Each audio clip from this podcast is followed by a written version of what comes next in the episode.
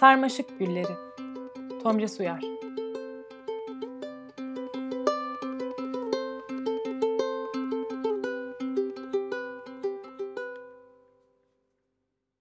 Sevgili Şeref, nasılsın? İyi misin? Sana yazıp yazmamak için çok düşündüm ama sonunda yazmaya karar verdim. Çünkü ben annen nerede kalıyorsun diye duymuştum. Geçen cuma sabahı Nazmi'yi gördüm. Arabasıyla bizim oradan geçiyordu. Tam Turan sinemasının önünde Hüsnü Efendi'nin dükkanında karşılaştık. Hüsnü Efendi pek bulunmuyor dükkanda, kalbinden hastaymış. Görürsem sana selam yolladı. Ben de söyledim Nazmi'ye. Şeref nasıl dedim. İyi dedi. Annen nerede kalıyormuşsun, ondan öğrendim. Tek başına bir oda tutmuşsun. Hayırlı olsun. Zaten annenler beni hiç sevmediler. Gözleri tutmadı baştan çalışıyorum diye. Ama üvey baba ne de olsa çalışmadan olur mu değil mi? Zengin falan ama ayıp çalışmamak. Ne de olsa el. Annenler beni sevselerdi şimdi bu hallere düşer perişan olur muyduk? Ama olan oldu bir kere. Maksat hepimiz mutlu olalım yaşantımızda. Hem ben memnunum. Senin de mutlu olmanı Cenab-ı Hak'tan dilerim.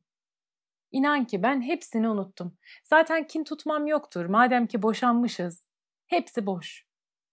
Şimdi Şerafettin. Bak seni neden rahatsız ediyorum anlatayım. Bu çocuk meselesi. Yani Şükriye'nin yüzünden. Kusura bakmazsın ikimizin de çocuğu. Beni deli edecek bu kız. Artık yanına mı alırsın, annenler mi bakar bilmem. Çünkü böyle giderse canıma kıyacağım, temelli üstünüze kalacak. Sen kavgalarımızda hep annem senden iyi bakar demez miydin zaten değil mi? Bak çok çektim. Baktım, büyüttüm, bu yaşa getirdim. Bittim artık. Genç yaşta saçlarıma kırlar düştü. Kolay mı Şeref? Bir yandan babamlar. Öyle yalnızım ki. Ölsem bir kaşık su verenim yok. Bak ne oldu? Geçen cuma berberde saçlarımı yaptırıyordum.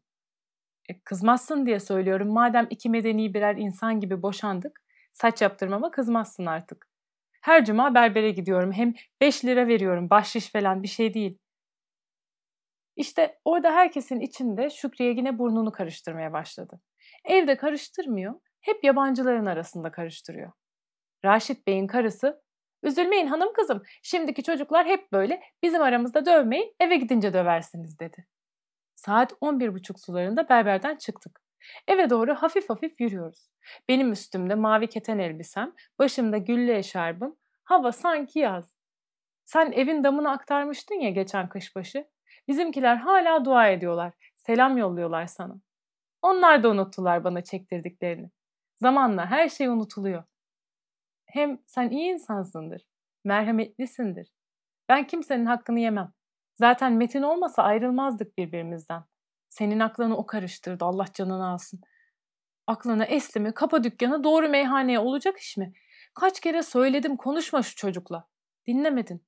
Yok mitingmiş, yok parti işleriymiş. Bize ne? Biz rahat edelim, mutlu olalım, bize yeter de artar. Neyse, şimdi aynı şeyleri açmayalım. Nazmi'ye de söyledim. Becerikli olandır Nazmi. Bak yeni bir araba çekmiş altına. Bonoyla mı ne diyorlar? Olsun. Gıcır gıcır kırmızı.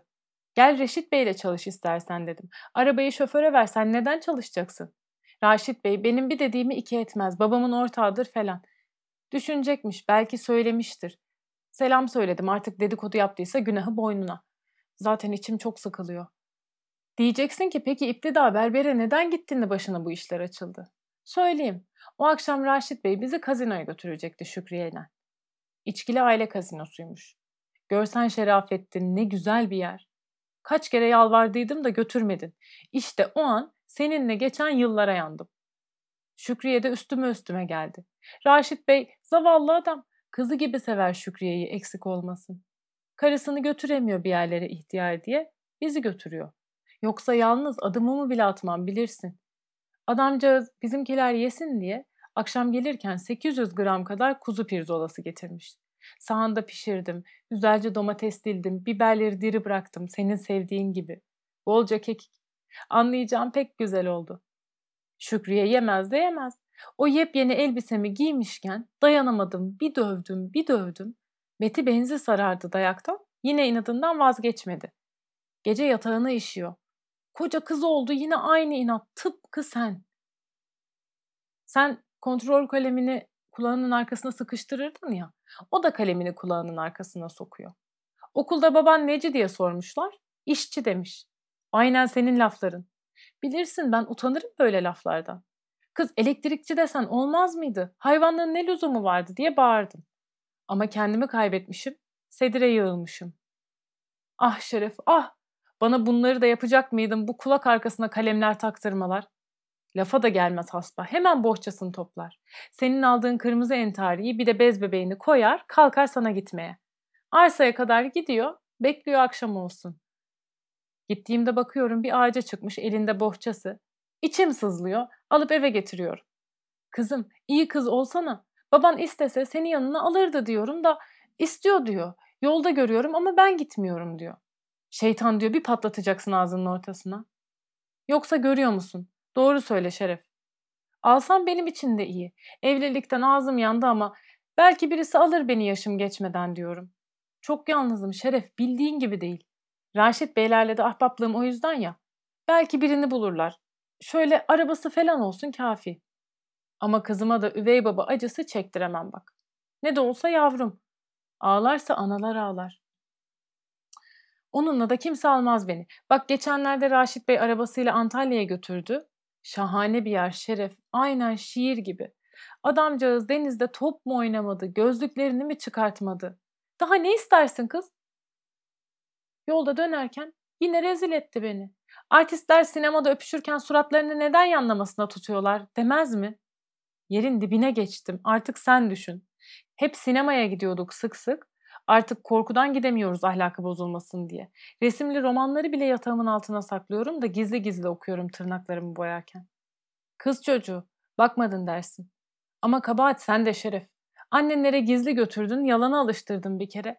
Artık ne yapsam boş. Kasım rüzgarı park bekçisi. Koskocaman bir süpürge. Solmuş yaprakları sarı çiçekler gibi coşkunlukla katmış önüne. Bitsin artık. Şimdi ne var bunda gözleri yaşartan? Son günlerde gözleri yaşarıyordu. Öfkelendi mi? Üzgünken, yalnız, kalabalık içinde. Bir köşeye çekilmeli. Şu çok kırmızı baş ağrılarının geçmesini beklemeli.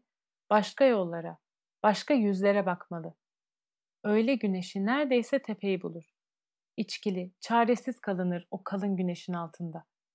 Öyle üstü, daha günün yarısı. Önünde yersiz yurtsuzluğun mezeleri. Ciğer tava, beyaz peynir, kırmızı domates, yanık soğan kokusu. Küçük öğrenciler geçiyor caddeden.